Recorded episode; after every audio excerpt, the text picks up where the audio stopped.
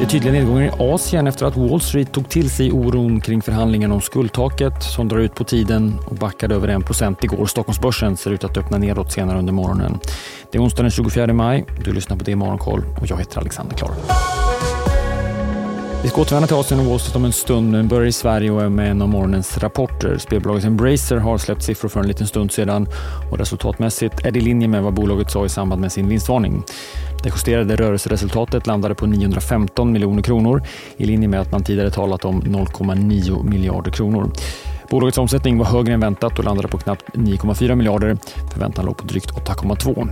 Den organiska tillväxten blev alltså mindre än väntat, minus 4 procent. Där låg förväntan på närmare 14 procent.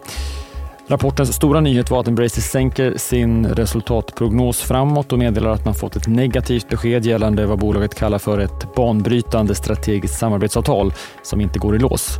Avtalet var värt över 2 miljarder dollar över sex år, skriver vd Lars Wingefors i rapporten och säger att ledningen fick beskedet under natten att avtalet man förhandlat sedan oktober inte blir av.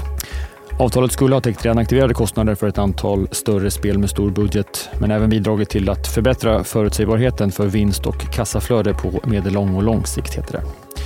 Embracer sänker sin prognos alltså för kommande helår. För justerat ebit-resultat väntas nu ett resultat någonstans i intervallet 7 till 9 miljarder. Tidigare talade man om intervallet 10,3 till 13,6.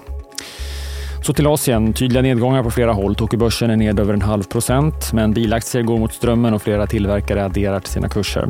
Hongkongbörsen tappar nästan 1 procent och är tillbaka på sin lägsta nivå sedan i mars.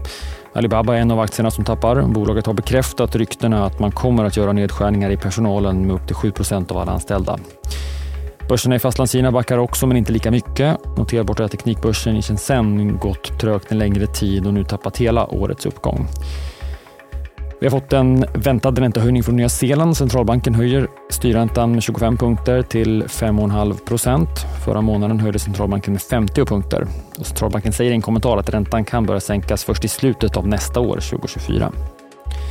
Wall Street tappade mark under gårdagen och stängde på dagslägsta. Fokus fortsatt riktat på förhandlingarna om skuldtaket där inget avtal nåddes igår när president Joe Biden mötte den republikanska talmannen i representanthuset Kevin McCartney. Men båda beskrev förhandlingarna som fortsatt produktiva. Även både korta och långa räntor tappade mark igår. Bland enskilda bolag steg rapporterade Urban Outfitters efter stängning. Både försäljning och resultat var klart bättre än väntat i rapporten och även cybersäkerhetsbolaget Palo Alto steg i efterhanden på en rapport som slog förhandstipset. Tillbaka till Sverige. Läkemedelsbolaget Camurus får godkänt av eh, de amerikanska myndigheterna för sin behandling av opioidberoende. Läkemedlet som redan är godkänt i EU fick tidigare ett negativt besked av amerikanska FDA där man bad om ytterligare information. Camurus preparat marknadsförs i USA av bolagets amerikanska licenspartner Braeburn. Det blir ingen försäljning av forskningsbolaget Egetis. Bolaget som tidigare under våren bekräftade för marknaden att man förde diskussioner om ett eventuellt uppköp säger nu att buddiskussionerna inte har lett till ett resultat. Även om erbjudandet som låg på bordet innebar en premie i förhållande till nuvarande aktiekurs. Sist om att Handelsbanken släppte en ny konjunkturprognos och banken spår att det blir ytterligare en räntehöjning från Riksbanken i juni upp till 3,75 procent. Först under nästa år kan man se fram emot räntesänkningar. Vi kan redan ikväll se fram emot den amerikanska centralbankens protokoll från det senaste räntemötet i början av månaden. Dessutom får vi en tung rapport från Nvidia som varit en av vinnarna på AI-hypen på börsen. Och så får vi brittisk inflation om en liten stund här under morgonen. Vi fångar upp den i Börsmorgon med start kvart i nio. Dessutom blir det en hel del om Embracer. DTV intervjuar vd Lars Wingefors under morgonen och vi pratar även med Camurus efter deras FDA-godkännande. Häng med på sajten eller lyssna på Börsmorgon som podd. Programmet släpps senare under förmiddagen. Det är Morgonkoll. Jag är tillbaka igen imorgon. Jag heter Alexander Klar.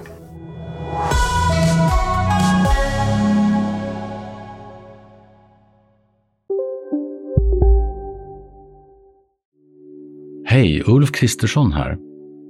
På många sätt är det en mörk tid vi lever i. Men nu tar vi ett stort steg för att göra Sverige till en tryggare och säkrare plats. Sverige är nu medlem i Nato. En för alla, alla för en. Har du också valt att bli egen?